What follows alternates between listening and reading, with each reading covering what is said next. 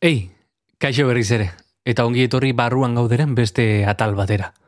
Ulu Mediak EITB podcastentzat ekoizten duen saioa da barruan gaude, eta kapitulu bakoitzean mikrofonoak hartu eta personaje baten etxean sartuko gara. Gaur, euria ari du.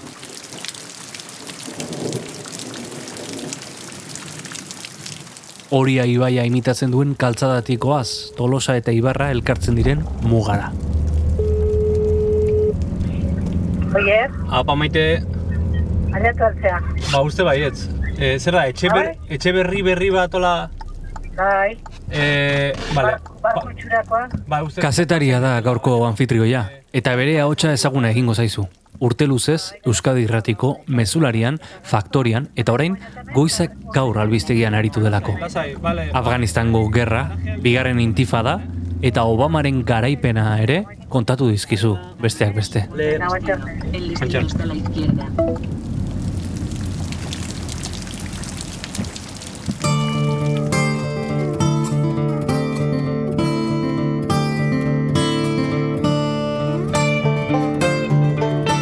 Gaur barruan gauden, maite hartolaren etxean sartuko gara. Ia egunero etortzen dian ere lankidek prensa horrekotik eta ez daukat euskarazko korteik. Hmm. Hori gehi egitan gertatzen da. E, Mikrofonoaren aurren euskaltzale jotzen dun herri bateko erakunde, agintari eta bar atzetik euskarazko kortea eskatzen ibili beharra, ez? Eta batzutan gainea eskatuta eman ez. Hoi, hori askotan gertatzen da, eh? Horrek sortzen duen etxipena, baina hori bai izango nizuke Euskadi Irratin orokorra dala, eh? Lan, lankiden aldetik sentimentu hori.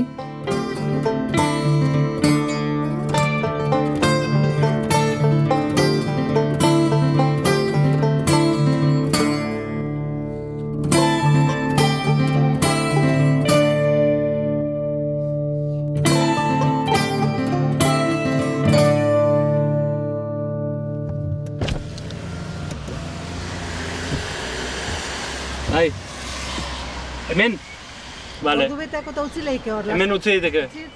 Titanic deitzen diote parean dugun etxe zarrari. Zubia undi baten ondoan dago. Bazpare, hemen Ibarra da Tolosa artean ez da olegeik, ez? Bira, le, Bai, letrero hortxe da, muga Bai. mugan. bai.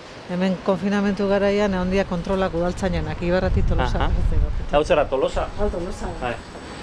Baina, bueno, ikusten zein dan aldea, eh? Bai. Metro batzuk. Beharki. Bueno, bueno. Oye, nire umiak inokiko dugu arazo, a ber nola pelota dauka bain. Ah, bai. Nire, nire laguna eta ni hemen gara. Osea, que zure laguna eta zu bazazte. Kaixo, Kaixo, Pau. hacemos? Etxera sartu eta anerrekin negoziatu dugu, egon gela guretzako bakarrik izateko. Naizue? Gaur sentatzeko pelota, segura ditxarra. Ez, ez, ez. Ez, ez, pelota ez. Baina hemen ezin dezu azaldu sortzik arte Ez, ez, eh? ez. Boz azpiterdiko. Mai gainean jarri ditugu mikrofonoak eta albon ditugu egunkari zatiak eta albiste mozketak. Etxera ekarritako lana. Nei zer pentsatu emateaten albiste guztik, ikastetut, kopiatzetut, eh, azpimarratzetut, ez horregatik aurkitu dezu hau mailan gainen. Da El Paisena da kasu hontan. Entrevista al comisario José Manuel Villarejo en la cárcel de Estremera, ez? Bai. Eta orduan, pasarte bat, zeten, el país ha decidido no publicar varios pasajes de la entrevista realizada el 8 de octubre en la cárcel en los que Villarejo lanza acusaciones muy graves contra terceras personas sobre hechos en los que el comisario no participó, ni hay pruebas sobre ellos. Orduan, iritsi zait, ez, askotan, eskura auki dezakezu informazio bat, Ez, baina esatea, ez, baina nik hau dana esan ezakeen, baino ez daukat inolako probaik, ez dao probarik beak inditzaken akusazio hien gana, orduan nik erabakitzen dut hori ez ematean, naiz eta izan liteken Bai, oso... salgarria, bai, bai, bai, bai, eh, ez? Bai, Oso... horrek Bat, bat, bat, bat, bai, Itzin lasai?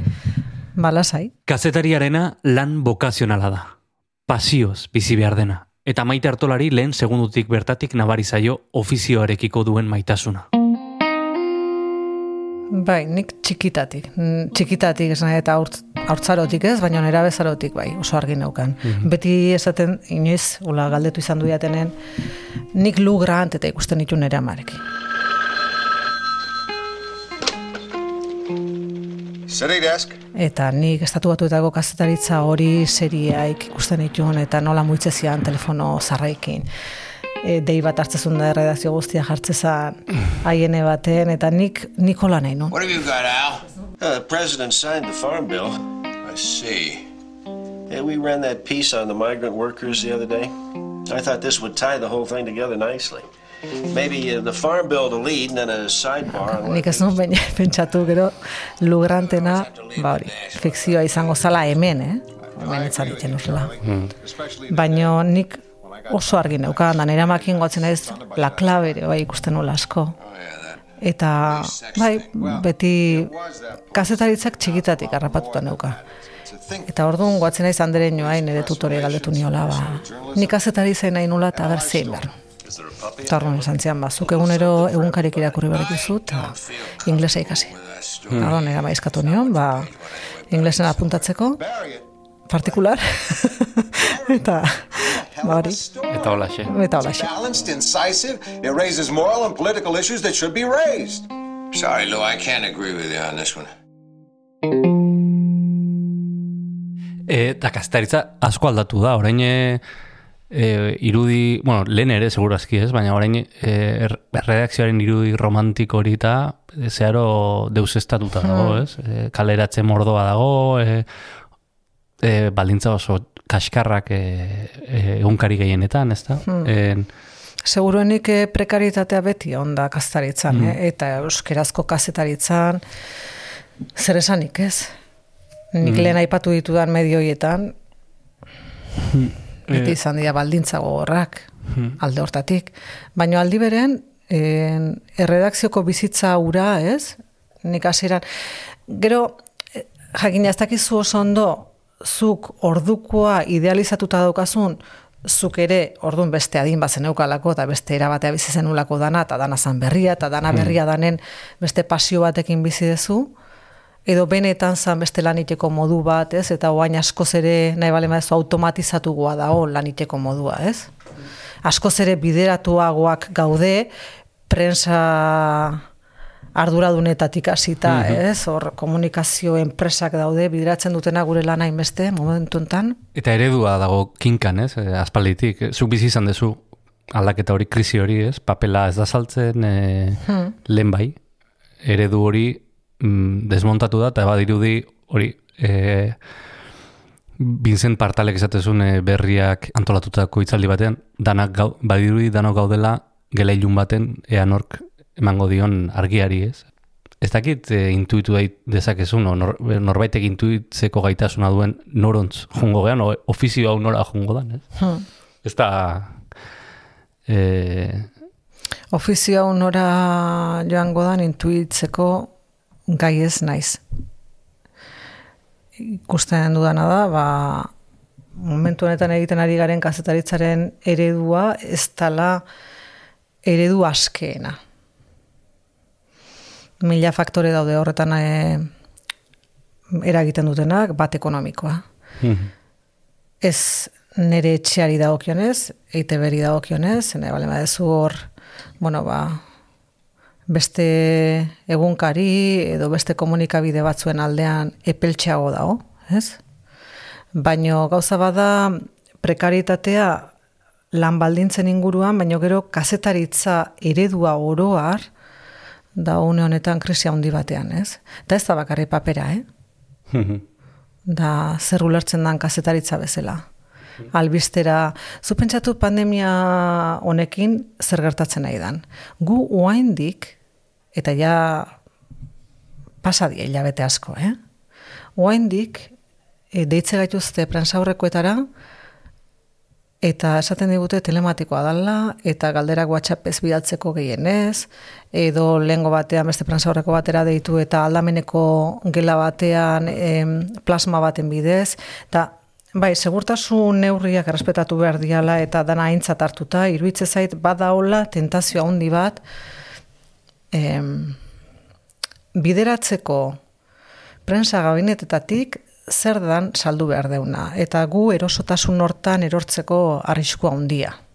Azkenean dena, ez, titularra ematen badizute eta kortea, mailez bidali edo whatsappez, zertarako joango zara, zu aurreko batera eta saiatuko zara albiste horri beste hartz bat aurkitzen, ez? Bai, hori eta eta kaso e, ba, aipatu duguna, ez, adios nik ezagutzen dut, e, nik bere garaian notiziaz gipuzkoan e, kultura zailan, e, bekaldia egin nuen bi urtetan zehar, eta orduan kultura zailan bost pertsona zetuen lanean. Eta orain bat dago, ez? Eta, eta bakarrak egin beharra egunkariko, egunkari bateko kultura zaila, ez? Horrek zenbateraino baldintzatzen du, ez? Ba, e, claro, persona bakarra egon da ezin zara joan bi prentsa bergotara. E, askoz ere zaurgarriago zaude horrelako Bai. jarreren aurrean. Ez? Bai, bai, bai. Ondo datorkizu, ez? Zenbaitetan ondo datorkizu dana egin da ematea. Naiz eta batzutan zu jabetu saltzen ari zaren hori propaganda dela. Ez da albistea. Propaganda da. Eguerdiko ordu bata da. Euskadi Irratian, Goizak Gaur. Arratsaldeon deizuela guztioi Ipar Euskal Herriak gerra deklaraziotzat hartu du goizak gaur Paristik iritsi den albistea. Euskararen Euskadi irratia, eh? zure, zure ametsa eh, Euskadi irratian lan egitea, orain jakin dugu, egun dagoita ma 6 mila Bai, gaurko albistea da. Bai, egun dagoita ma 6 mila entzule dit, Bestean zehar. Hori da, hori da. E, nola, nola lortzen dira emaitza horiek? Ez, nola iristen zara, zeate e, egun da goita mila persona egin konektatzera, ez? Eta, eta horra askuntza badago eta lan badago, ez? Nik uste dut, oaindik famili bat, gai- famili bat gehala, Euskadi Ratin. Eta, orduan, elkarren peskizan gaude. Elkarri launtzeko asko, talde, talde lan handia dago. E, maite dugu, Mhm. gure irratia, Hmm. eta sinisten deu komunidade batentzat egiala lanen, eta gu komunidade horretako parte egiala, eta gaina badiala hainbat gai guk jorratzen ez baditugu, inork jorratuko ez dituenak. Ez nahi zai prensa idatzean, eh? ez irrateri dagokionez. Zenbateño begiratu berdio, eta honi txamponaren bestalde begiratuta, zenbateño begiratu berdio edabide publiko batek audientziei? Edabide publiko batek eta edozein edabidek audientziari begiratu behar dio espadiozu begiratzen zure buruaren zat bakarri lanean aizelako. Hmm. Eta zu gelditu zaitezke oso konforme egiten ari zarenarekin, baina kontua ez da irratsaio bat zuretzat egitea. Hmm. Norbaiten gana iritsi egin behar dezu. Orduan, audientziak horretarako dira importante. Zenbateraino audientzia gehiago izatearen izenean zure printzipioei uko egin behar diezu? Ba, ni garbi daukat nire erantzuna. Zanet, zu badakizu, mm, zertara ez dezun erori nahi, edo Hmm. naiz eta jakin akaso horrek emango lukela audientzi, baina emango lizuke audientzia igual oso berealakoa, baina gero inorri ezin diozu iruzurrein.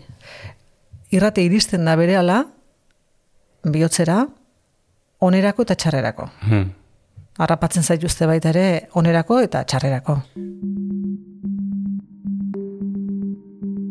Gaurko adostasun sinadura horretan. Aldebikotasuna sendotu egiten dela nabarmentzen duzu, beti ere auzi honi mugatuta, ze berehala etorri zen baita ere asalto zartzeko bidea gau hartan hasi zela. Hortuzarrek ez du uste hori denik bi indarren arteko lankidetza hasteko modurik onena. Bueno, nik uste dute... Aldebikotasuna soilik auzi honetara mugatuta.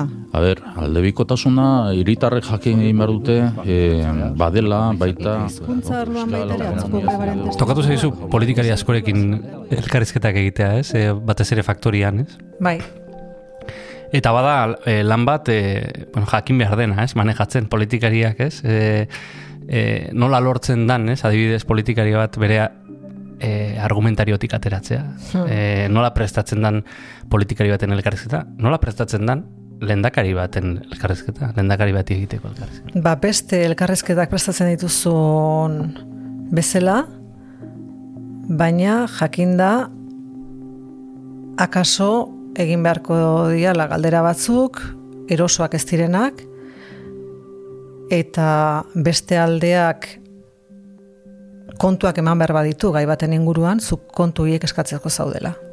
Orduan, horrek eskatzen du aurreko prestaketa lan bat, eskatzen du zuk datuak eta ondo kontrastatuta edukitzea elkarrezketara joan aurretik.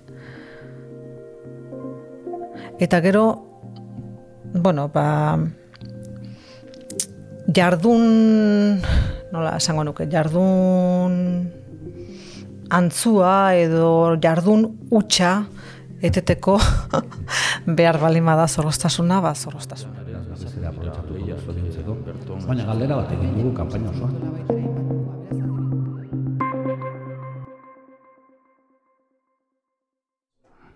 Baina neurri bat ere behar da, ez da? E, adibidez, mi, e, azken aldian, azken boladan, torzei burura e, zenbait kazetari Espainiar estatuan, ez? Adibidez, ba, beraien ustezko zorrostasunagatik ezagun egin dianak, baina, baina niri e, violentua eta edan egiten Hmm. eskotan, ez? Elkarrezketa egiteko modu hori. E, hitz egiten ez ustearena, e, zure, zure iritzia plazaratzearena, ez? Eta hor badago oreka bat, Oso zaila dena. bai, Bai, zuke aldi beren ikusten bali badezu, a- parean daukazun persona ez dizula erantzute, baina ez da ez dizula erantzuten erantzunik ez daukalako, baizik eta saiestu egin nahi dulako, berez publikoak jakin beharreko erantzun bat, eta saiesten du e, hitzaspertu luze batekin, ba, hori eten beharra dago. Nola egiten dezu hori kazetaria elkarrezketatuaren gainetik gelditu gabe. Ez? Hori da importantea. Kazetariak ez luke behar protagonista. Beharko luke protagonista e, entzulearentzat nahi bale da emaitza bat eskaintzeko daolako hor, Mhm. eta ordun behar dan elkarrezketa e, ez da nola esan, behar dian galderak itxazuri dagozkizu erosoak izan ala ez, baino ez luke elkarrezketa batean kazetariak protagonista bihurtu behar. Batzutan oso zaila da neurria. Kriterioa bai, baina igual iritzia ez zaigu hainbestea zola, ez? Ez, iritziatzegu batera xola. E, gertatzen dana da, batzutan baita ere, kazetariaren iritzi bezala interpretatzen diala, berez iritzia ez dianak, beste gabe, aizu, zuk hau esan zen duen, hau ez tezu bete, zergatik ez tezu bete. Ez? Orduan, kontuak eskatzen hasten zeanen, ez da beste gabe eraso bat, parean daukazunari bezik eta zuk zure arduretatik hau agindu zen duen, hau ez da bete, zergatik ez da bete. Eta Mhm. zuk bete ez dan hori behar bezala argudiatzen balin badezu, ez da oinongo arazorik. Hmm. Ez? Baina zuk kontuak eman barra dauzkazu. Eta horrek ez du esan nahi, en, zuk galdera horrekin, erasoa nahi zeanik, ez? Ze hori Mhm. ere beste aldetik askotan interpretatzen da, kazetariaren eraso bat bezala.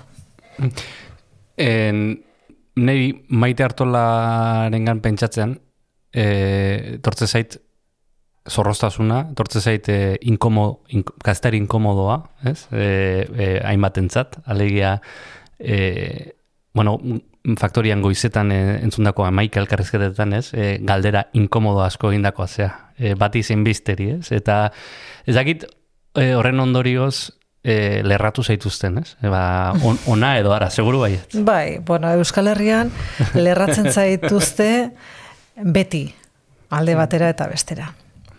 En, batzutan, batzutan gauzak eh, argi esan da horrek mina handia egiten du. Beste batzutan, badaukazu gaitasuna ba, erlatibizatzeko eta aparteko garrantzirik ez emateko, baino eurek euren burua lerratu behar hori eta gaina askotan da nerekin edo nere kontra, bihurtzen dutenean beste edozinekiko jarrera oso deserosoa da. Deserosoa eta gainera batzutan iruditzen zait dala zure lanean esku hartu nahi bat. Ez? Eta horren aurren ba, batzutan asarretu itxezea eta beste batzutan ba, gaizki sentitzen zea, esna, tristurara jotzen duzu, Mhm. eta beste batzutan beste gabe.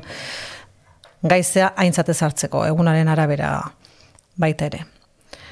Bueno, nik oso garbi izan dut hori zala prime time, bueno, ez prime timeak, ze mezularian ere pentsatzen dut mm, gauza bera itenula. Orduan Bai. dala, pizka bat, nire lanarekin datorren ordainsari bat, Hmm. edo bidesari bat. Ordaindu beharreko zerbait, nire lanak erantzita daukana, Hmm. ba, batzutan zulerratuko zaituztela, jo, alako jetzen ingo galdera hori. alako jetzen ingo beste galdera, beste aldetik, ez? Alde diferentetatik Hmm. datoz. Edo kontu eske nire gandik gorago zeuden arduradunei, ba, jo, ba, galdera hau indio, eh? Ba, prensa arduradunak, Bai. eh? Berdin dit, ze alderditakoak, edo ze kargutakoak. Jo, eh? Ez, pixkat, Hmm. nik uste dut esperantzarekin hori iritsiko dala zuregana eta urrengon batxintxo portatuko zehala, ez? Inoiz iritsi zaizu politikariren baten e, mezurik e, zoriontzen edo kontrakoa? Bietatik. Bietatik eta gehienetan ez zuzenen. Mhm. Beste bide batzuk erabilita. Hmm. Bai. Bai, politikarien partetik, bai. Eta zenbateraino baldintzatzen du horrek zure lana? Ba, batzutan, esan dizutena, ba, batzutan autozentsura aplikatzen duzu, nahi gabe, eh? Eta beste batzutan konstientezea autozentsura aplikatzeko tentazio izango dezula, baino ez dezula tentazio horretan erori behar. Orduan, bueno, ba hori, esan dizudana. Badakizu hori zure lanarekin itxatxita datorrela eta onartzen duzu datorren bezala, baino no, zure lanaren zatirik txikina da aldi beren hori, ez? Mhm. Osea, da erasokorrena nahi badezu, baino aldi beren da, bueno, pues, zure lan osoaren Mhm. itzal bat, baino Mhm. gehien argia da, Mhm. ez? Gehien argia da.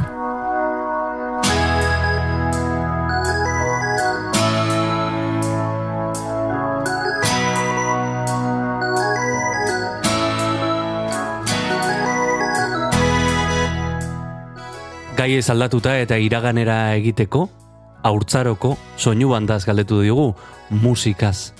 Hmm. Bonik asko. Ni musika asko entzun dut txikitatik, asko. Nere etxen nire ama oso musikazalea da, eta orduan txiki txikitatik orduan nik behin e, gure irratin bakizu arantxa iturbek eta nekane peñagarikanok eta Bai. terebelokik iten dute udaran bihotzeko fonoteka. Eta Mhm. behin, ba, Horre ere baiezkoa mantzen Al, ez, ez, hori esan behar, ezun, ala modu zibiliko zian, e, gonbidatu zerrenda osatzeko eta esan ziate, eta ingo bagen izu, eta bueno, esan, ba, bazpareko zerrenda nola zan, suplentearena, baina izugarri kosta zitzaidan nire amar kantu haiek aukeratzea. Zen nire bizitzan, egia esan, e, musika da etengabeko, Mhm. gure etxen musika dago etengabe. Bai. Lengon atzo adibidez, ez? Nire semeak anerrek esaten zian. Ama, nola gauero afaltzeko orduan jartzezu musika? Baukat nik nirea jartzea? da, Peligro, peligro. jarri zuen bat, iatzeak eroin itzana. Ah, bai. Bueno, baino zan, YouTubeko bideo bat, Bai. nola esango nizuke, ba, entonazioa zero, Bai. letra oandik handa beldurgarrigoa, eta esaten, no, bueno, ba, zaget, nire musika tradizioaren maila jisten nahi da etxean, pentsatu non. Sartzen nahi gala, ez da? Maite? Bai, bai. Hori, olako, Bai, olakotan, egia olakotan seinale da, eh? Egia da, No, egia az, da. asaldatze geanean zeuzegatik ja, mm, malo. Bai. Bueno, nik eh, kanta bat ez dauka, baina nire betiko taldea Dire Straits izan da, Mhm. txiki txikitatik, txiki txikitatik edo bai, Bai. nera bezaroti bainipin bai.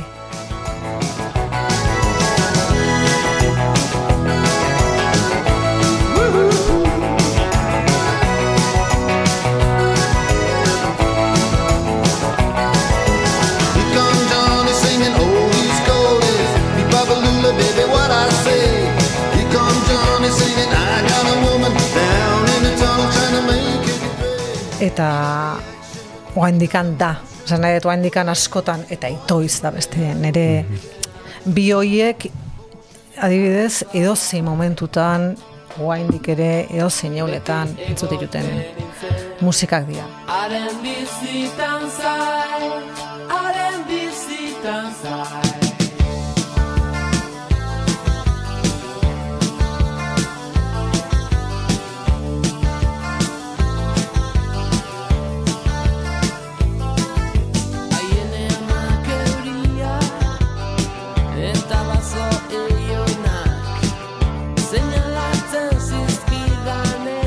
Bueno, galdetu horren zuen infantziaz, ez? E, horretik esan dizut musikarena. E, sorpresa sartu aurrekoan aiakoa, ez? Mm. E, aia bizi naizelako, ez? Eta tabernan galdetu nun, ze o, herrietan hori egin behar da, ez? Lehen Bai. gaur jun eta galdetu, ez? Jaitsi nintzen, eta galdetu nun, da, ez, e, efectivamente, ez? Herreruanekua. Hori da, herreruanekoa. E, aiako plaza, aiako... eliz- Akelarre. Hori da. Aiako plaza. Aiako plaza da akelarre eta nik ba txikitan eta nera bezaroan eta nera bezaroan ez dala e, akelarre nun nian, adibidez, ez? Hmm. Aia eta akelarre elkarrekin lotuta doaz. Eta aia eta trikitixa, ze nik aiztarrazuko plazan dantza asko indet eta berben asko segitu judu ere. Eta, eta Eliza ondoko etxe hori, eh? Etxe hori. Ni magikoa irutu zait beti, eh? Hortik pasatzen naizenean, eta ikustetenean ate hori teilatutik sartzen dena, Bai. beti pentsatu jo, ze etxe dago, ez? Eta behian, eh, Eta zu pentsa, eh? E, hori ate txiki hori ikusten duzu, eta badirudi etxe txiki badala, Eta aldiz ikusten duzu beste aldetik, Bai. ez? Zenbaterainoko etxea, ez? ai, uda hontan, eh, alabarekin jaitsi nintzen, eh, han, hauntz batzuk zeuden, Hmm. eh, belarretan, eta, eta jaten ematea, eta gero kantatua, jandaua jarro zuten, badirudi ez zela gustatu sartzea. Zuek eh, jaten ematea. ez dakit. Baina, baina bai, e, hor- horrekin zer etortzea izu burura? Zein, zure aiako irudiak zeintzu dira? Nere amona.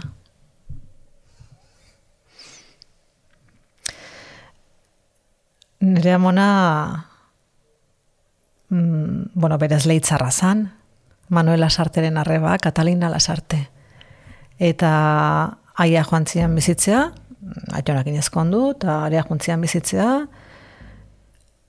behatzi seme alaba izan zitun, bueno, amar, baina amar garna hiltzan, eta behatzi horietatik bat da nere ama. Hmm. Orduan, niretzako aia da, sustraia.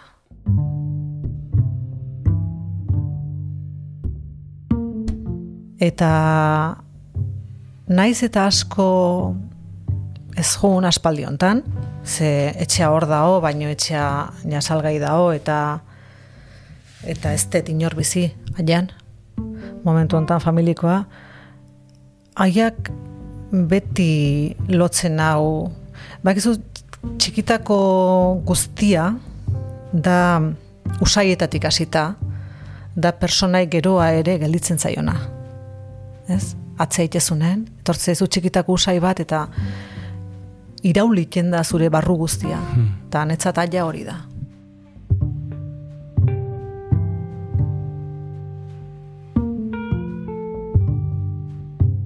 Nik eh, teit, amona eta nire osaba askoan aiako zean daude, eh, hilerri, eta santu guzti jaunean jutea, Ilerri ederra, eh? Bai. Aiakoa, eh? bai, aia da nada ederra, eh? Bai, oso Aia herri ederra da, bueno, nere aia. Nere aia esatet txikitako aia, oi, ze oain aia asko hazi da. eh, Eta orduan nere irudi nostalgiko hortan pixka distorsionatugoa da, gaur egungoa, baino, baino nere Asko- aia, Asko hasi da, aia, eh? bai, Baina- hazin da, bai. Eta bernan ere esaten ziaten ez orduan kaskoa zala, ez kaskoa Bai. bakarrik. Ez. Bai, kaixkoa zan, baino nire amak oso arrozatezun bai, baino Gipuzkoako bigarren herrik handina, eh? Lurrez. Mhm. Bai, bai, hala da. Kaixkoa zan, baino gero bai, e, nortasun handiko herri bat. Seguruna herri guztik dira nortasun handiko, ez da? Norbeak berea bizi du gehiago, baino, bai, niretzat aia da sentimentua. Hmm. Sentimentu asko. Oroitzapena. Horitzapen asko, eta gero hainbesterainoko lotura sustraiarekin nik askotan esate, ba, eriotzan da pentsatzen aste bale mazea, eta ez, ba, aian bukatu nahiko nuke. Inun bukatzekotan, aian. Hmm.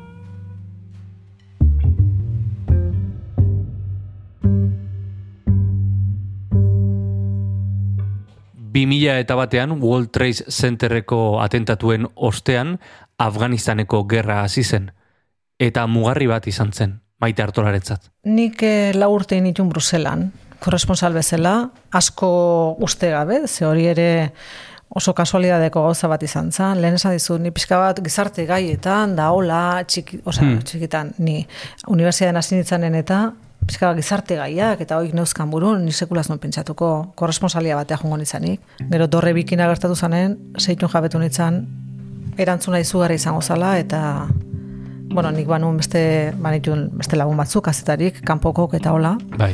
ja izian aprestatzen Afganistanea juteko. Segitun izan zalako, eh? Sekuentzia nahiko azkar izan zalako. moments ago of the second plane hitting the World Trade Center. That is spectacular pictures. I don't know. if you can see- Oh, my God!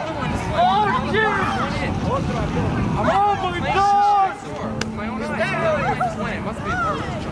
Oh, my God! My fellow citizens, Cadet hour, on my orders, the United States military has begun strikes against Al Qaeda terrorist training camps and military installations of the Taliban regime in Afghanistan.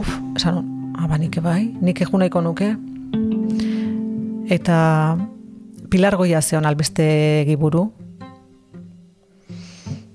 eta nik e, bai, Pilar Goia ongo zan orduako, odile zuzendari izango zan, eta Pilar Mhm. Goia albiste giburu.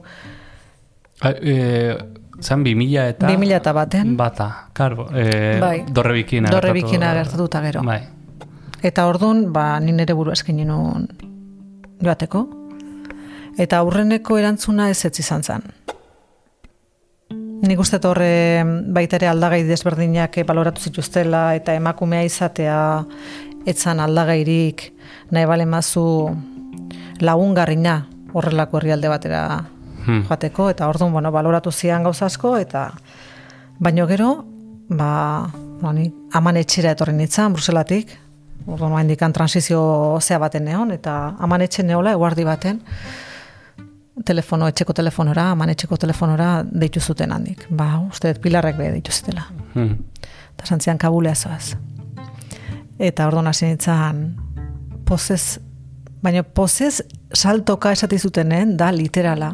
Amak izan zizu. Eta amak baino, ez, nire ama bakizu ze pasatzen da, nire amak nire nire ogibidea nik bezala bizitu dula. Hmm. Atxak hartu zuen, atxak negarrintzun.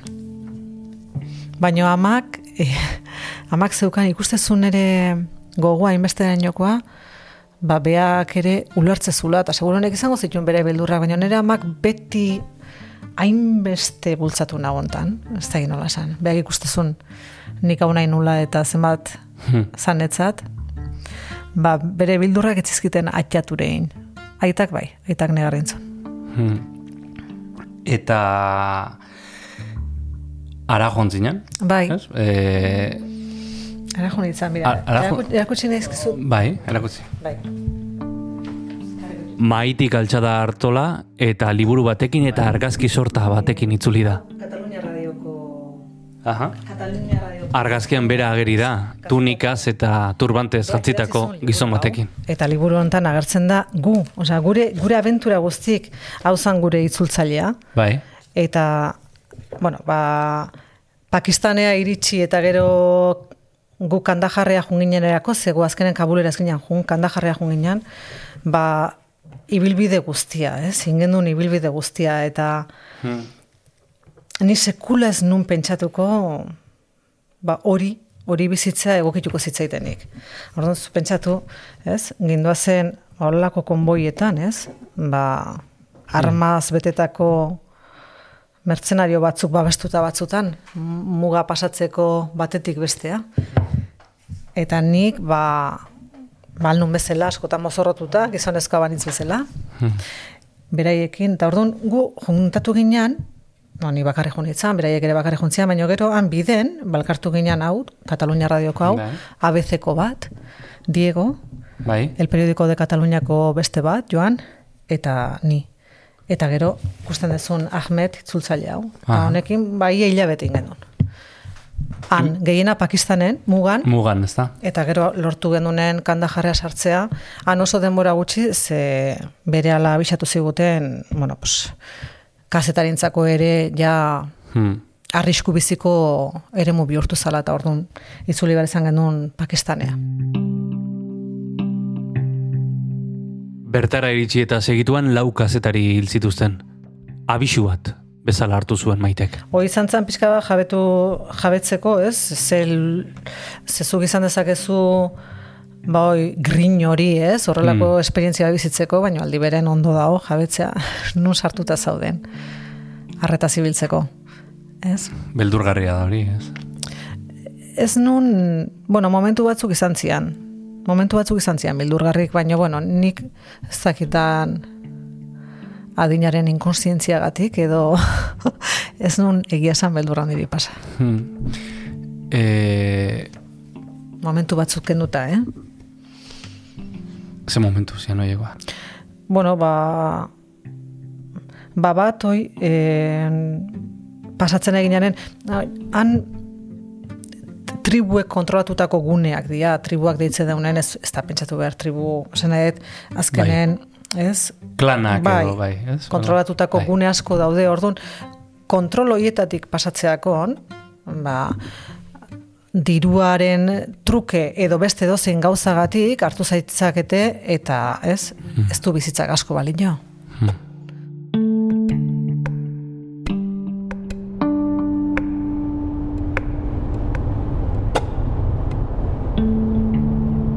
Olako nahi bale maezu inguru batetik igarotzeko unen, euki genuen, bueno, pues, arrisku momentu bat.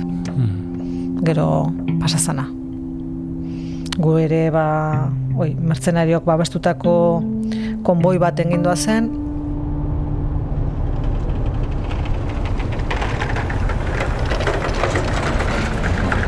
eta bestaldetik pasazan, ba, ba, ba, oi, Kalashnikov ez e, goraino betetazio beste, bueno, ba, ez dakit, taliban talde bat, oso ondo ez dakizuna ze asmorekin datorren, ez da gelditu araziko zaituzten eta zerbait eskatu edo egin. Eta, bueno, pasaginan, bildurra hondirekin, momentu hortan, baina, bueno, Hmm. hortan gelditu zen. En, horrelako gerra egoera baten, e, suposatzen dut, mm, albisteak, ez? E, e, albisteak no, nondik eta nola e, jaso, hori zuen lanen zati garrantzitsua dala, ez da? Guk ez genitunan albistek kontrolatzen, ez nahet, en, Reutersek, CNNek dauzkatenen, ba, talde oso garrantzitsuk, ozen nahet, ekip oso garrantzitsukan kontrolatu ditzaketenak leku diferentan zer gertatzen nahi dan, hoiek bai kontrolatzen dute albistea. Albisteak erredakziotik azken orduak askoz ere eraginkorra za, goazan, el, eh, erredakziotik kontrolatzea, nik baino, nik Hmm. gehiago historiak bilatu nitun Reportajeak. reportajeak. Albistea, ozen nahi, aktualitateri lotuta baita ere, ba, bomba erasoaldi handik e, egon balin bazian eta bar, baino gehiago zan, historiak, errefusiatu kanpamentutan, bertan, Zuri jendeak... gustatzen zaizuna. Bai, nire begikin ikusten detena kontatzea. Hori da, gehien gustatzen zaitena.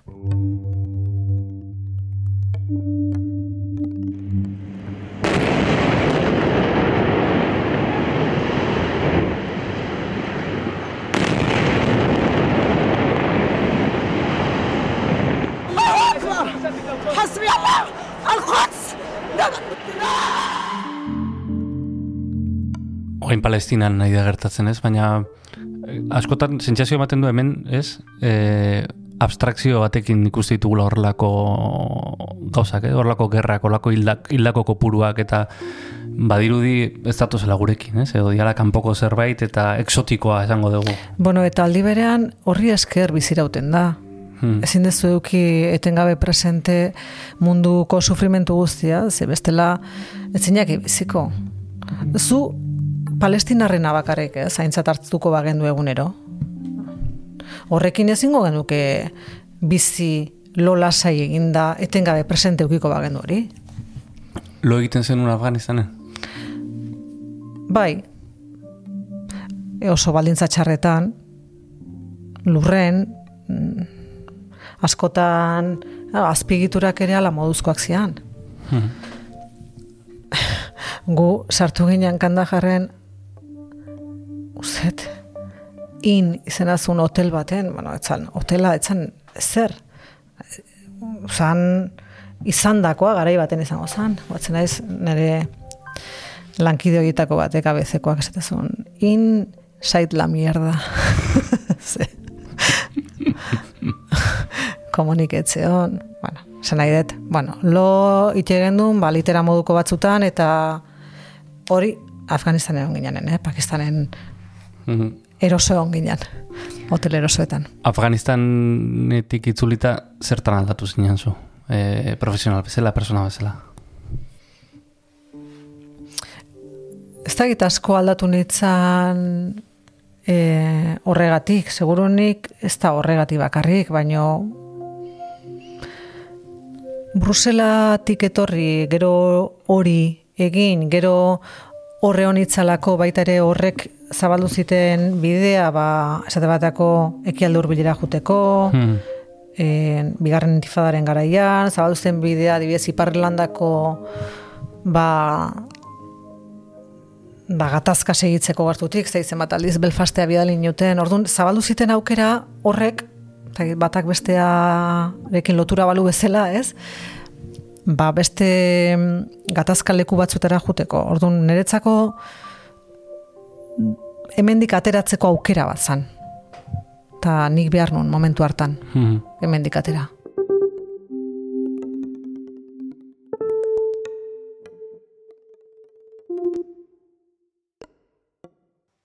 Maite Artola kronista izan da, eta gerrak kontatzeaz gain, garaipenak ere kontatu ditu. Adibidez, Barack Obamarena.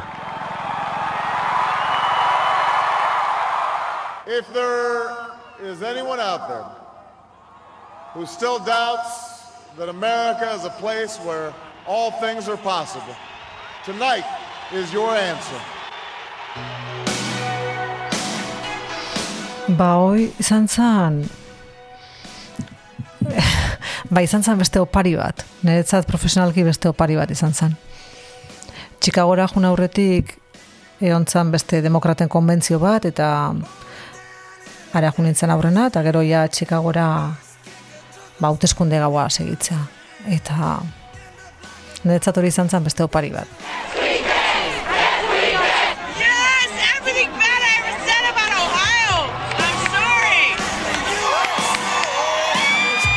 Gau hartan, esan momentu baten oso gaizki pasan nun, ze irratiko tresneriak utxintziten.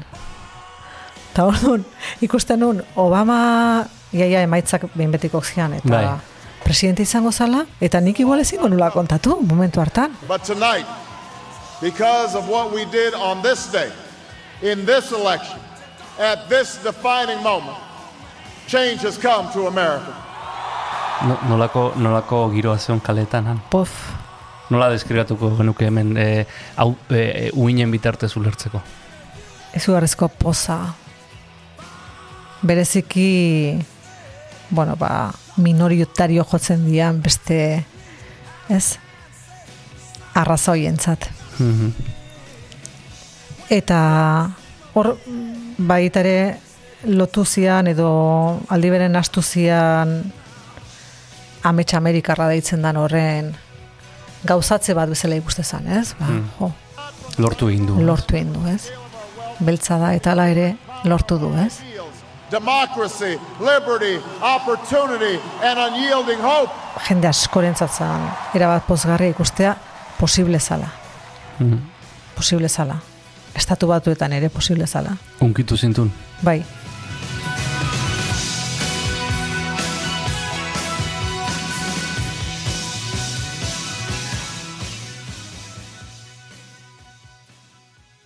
E, amona aipatu dezulen, e, galetuko izut, e, zu amazea, ez? Eta Bai. aipatu dugu amatasuna eta amatasuna e, edo gurasotasuna nahi balin bada bada beste mugarri bat bizitzan, ez dakit Mm. zurean e, e, nola eragin zuen, ez? E, astindu horrek, ez? ba, haundia, astindu haundia da hori. Bilatutako astindu haundia. azkenen e, nik adibidez amatasuna, bueno, nik danen, danen naiz pasionala, ez dakit nola esan. Hmm. Bizitzen deten ura asko bizidet. Euneko eunean, hau nahi badezu. Eta orduan amatasuna ere, ba horrela izan zen, esperientzi bat hasieratik bizitu nuna intensidade handiarekin. Eta orduan nik argin neukan hori nahi nula momentu hortan gozatu. Bai jaio zanen, bai aurreneko urteek, eta orduan, bueno, ba, lehenengo urten estentzi bat hartu nun, gero lanaldia murriztu nun, Mhm. bizi nahi nun hori. Eta, Lehentasunak, ez? bai, lehentasunak. Hmm. E, sentitu duzu inoiz emakume izatea desabantaila gisa ofizioan? Ez. Ez. Gezurra esango nizuk eh, kontrakoa. Nere kasun ez ez sentitu. Hmm. Ez ez sentitu izan desabantaila bezala. Afganistanen salbu akaso, ez? Bueno, hor momentu batean, baina gero azkenen baita ere, ez? Irratiak erabakizun baietz, aurrera. Bai, bai. Inun olako idatzi bat, edo zer gauza gertatuta ere nere ardurapen gertatze zala, eta Hmm. ez, gertatze zaizuna da, ba, amatasuna eta gero, ba, lanaldi morreztu hartu, eta bar, zure lekua galtzen dezu. Hmm. Hori bai. Baina hori da, irratian eta edo zein ogibidetan emakumeak nozitzen duen egoera bat. Emakume izateagatik. Lanaldiaren lanaldi murrizketa bat eskatzen badezu, gero litekena da zure enpresa, zure ibilbide profesionalean atzera inberri izatea. Posizioak galdu nahi bali badezu, presentzia galdu. Hmm. Nik hori banekin, hola izango zala, eta onartu nu, eta ez nun gaina onartu, ez nahi, ez zait iruditzen zilege danik, baino gizarte bezala, eh? Kontziliazioa planteatuta daun bezala, gero eta gehiago hor ere aurrera pausok ematen ari gea, baino kontziliazioa planteatu izan dan bezala zaintzaren zama undina emakumeak hartu behar izatea erabat injusto iruditze zait, baino personalki galdetzen baiazu, nik ez nun bizitu ura renuntzi bat bezala. Hmm. Bizitu nun, irabazi iten Nire semearekin jaute irabazten nun, eta momentu hortan niretzakua zan lehentasuna, eta gero, ba, bueno, ba, tokatu zizkiten basamortuan, urte eta igual bi urte, ez dakit. Ibili beharra, ez? Hor presentzi galtzea. Hmm. Eta gero, ba, berraskuratzeko aukera izan nun. E, egin dugu errepaso bat, ez? Eta segurazki dana ezin da kontatu, ez? Baina, baina bizkarretan dakoazun karrera, ez? Egin dezuna, bilbidea. Ta, ta orain e, zer nahi zu egin? Ze- ze- zer nahi du egin maitek, ez? E, hau- hau guztia e, egin ostean, zein da zure gogoa edo zein da orain e, zure Afganistan, ez? Zakit, zure, zure irrika, Batarteka, buruak hola, e, burua juten danen, ez? Esatezu, jo, ba, jungo nitzake beste herrialderen batea, ez? Batzutan, kanpoan bizitu zeanen, urte batzuz, geho beti olako grina, ez, sentitzezu aldeiteko berriz. Eta jungo nitzake, eta geho alako baten konturatzezea, zure inguru personalak, ez dizula aukereik ematen momentu hortan horrelako urrats bat emateko. Ez nire kasun, ba, bueno, baldintza askoren gatik. Ez da momentua inora muitzeko. Orduan, ez daukat momentu hontan urrengo Afganistanik. Bizitu dut, guain iten nahi nezena, iruditu zait baita ere pandemia aldian eta hoi askotan hitz egiten un nere lankidekin, jo, izugarrizko ardura geneukala, behar bezala gertatzen ari izana kontatzeko, eta ordun hori intensidade handiarekin bizitu dut baita ere, eta bizitzen nahi naiz oraindik. Naiz eta ikusten dan, gero eta gehiago ez, bueno, emateu okerrena pasadala, eta hemendik aurrea, bira gaur itzein dut, e, alustizarekin, eta mertxekin, ere beste bilankidek momentu ondan goiza gaurren, ez? Eta ez deno, jo, ba, aurki, guk ere, pentsatu beharko deu, beste kontakizun batera etorreko gehala. Mhm. Ez? Ja ez dauka hainbesteko garrantzi kontatzea udalerri udalerri zein dan inzidentzia metatuaren datua.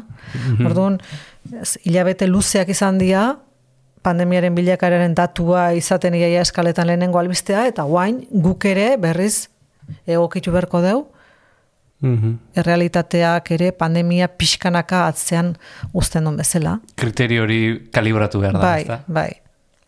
Zegoain arte dena izan da pandemia. Hmm. Azkeneko urte eta urte luze hontan. Seguru, eh, honek utziko dugula markaren bat, ez da? Marka hondik utziko ditu. Eta espero dut kazetaritzai dagokionez, ez? Ez ustea orain ikusten nahi gan hori, erabat ba, mugatuta, esituta dauden prentsaurreko hoiek. Esituta esan nahi dut, ba, telematikoak dira, Hmm. Ezin dezu egetxi, bidali WhatsAppez galdera, edo jarraitu plasma bidez aldameneko gelatik, edo, ez? Oso, oso garrantzitsua da kazetariek bere lanai ondo egin alizatea. Bai, bai, eta geronek ere tentazio horri ukoitea. Hmm. Erreztuta etorreko zegun lan horren tentazioari ukoitea. Ez da aldatuko pixkaten hori ikusten detenagatik eta baliatzen den mikrofonoa oraindik ere zenbat ia egunero etortzen dian ere lankidek prensa horrekotik eta ez daukat euskerazko korteik. Hmm. Hori, Asko gertatzen da hori. hori gehiagitan gertatzen da. Hmm. Euskaliztunek ere ez ematea, euskerazko kortea. Edo egun ona bakarrik esate euskeraz, edo egun onda lehenengo hitzak, baino nik esateten bezala, titularra, muina, gazteleraz. Hori gehiagitan gertatzen da. Mhm.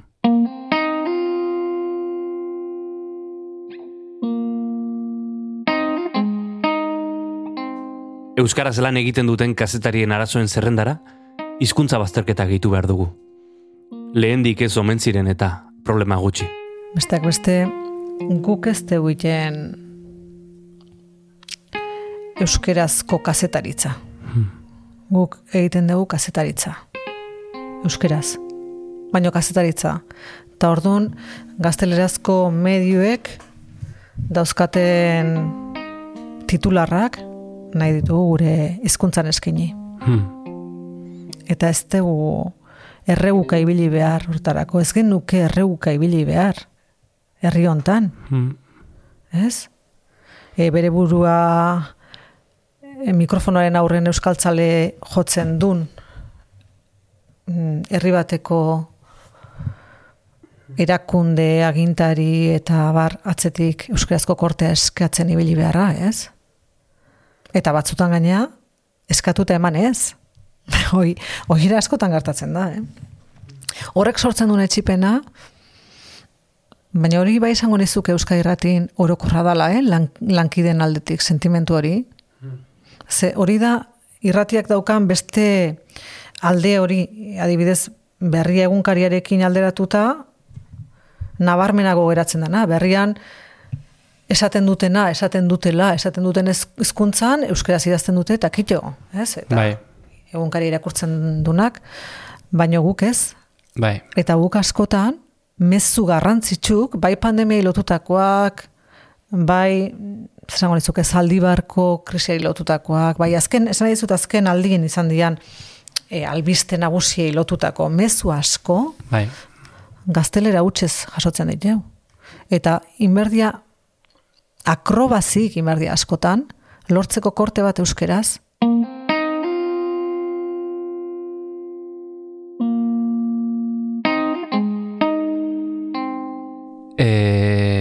eskerrik asko, maite. Hemen e, zure etxean sartzen usteatik, zesan izut. E, ez horreatik, plazerra izan da. eskerrik asko. M- Mikrofono horren trebatuta zaude, baina etxean mikrofonak ikustea ez, ezta? Ez, ez, ez, aurreneko aldia da, nire etxen mikrofono bat ikustetela era hortan gainazuk, ez da nondik ikarri juzu, baina hauek... eh, Arantxa iturbek e, e, trampa intzian eta irratian egin arazi zian elkarrizketa eta hortik horrela bakin nun eniola inorri hartuko etxetik kanpo egitea elkarrizketa. Eta arantxak esate zian hostailuzko mikroak emate zutela. Ez, ez, ez. ez. Hostailuzko Ez, mikroak eta horrek engainatu egiten zuen. Ez du hostailuzko mikroa ematen. Bauka, presentzia dauka mikronek. Eskerrik asko maite. Ez horretik.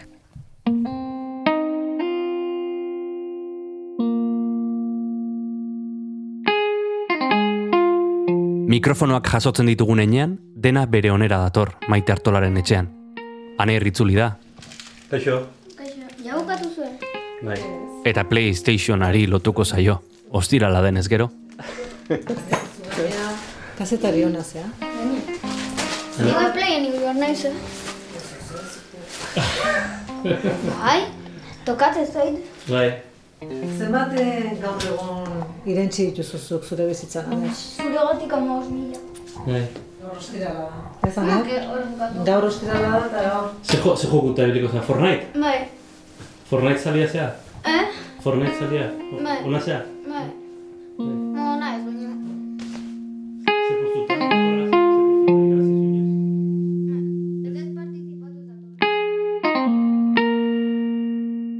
Barruan gaude, Ulu Mediak EITB podcastentzat egiten duen saio bat da, eta edozein audio plataformatan arpietu zaitezke.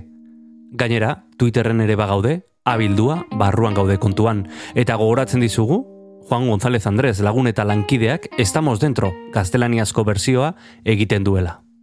Besarkada bat, eta datorren aster arte.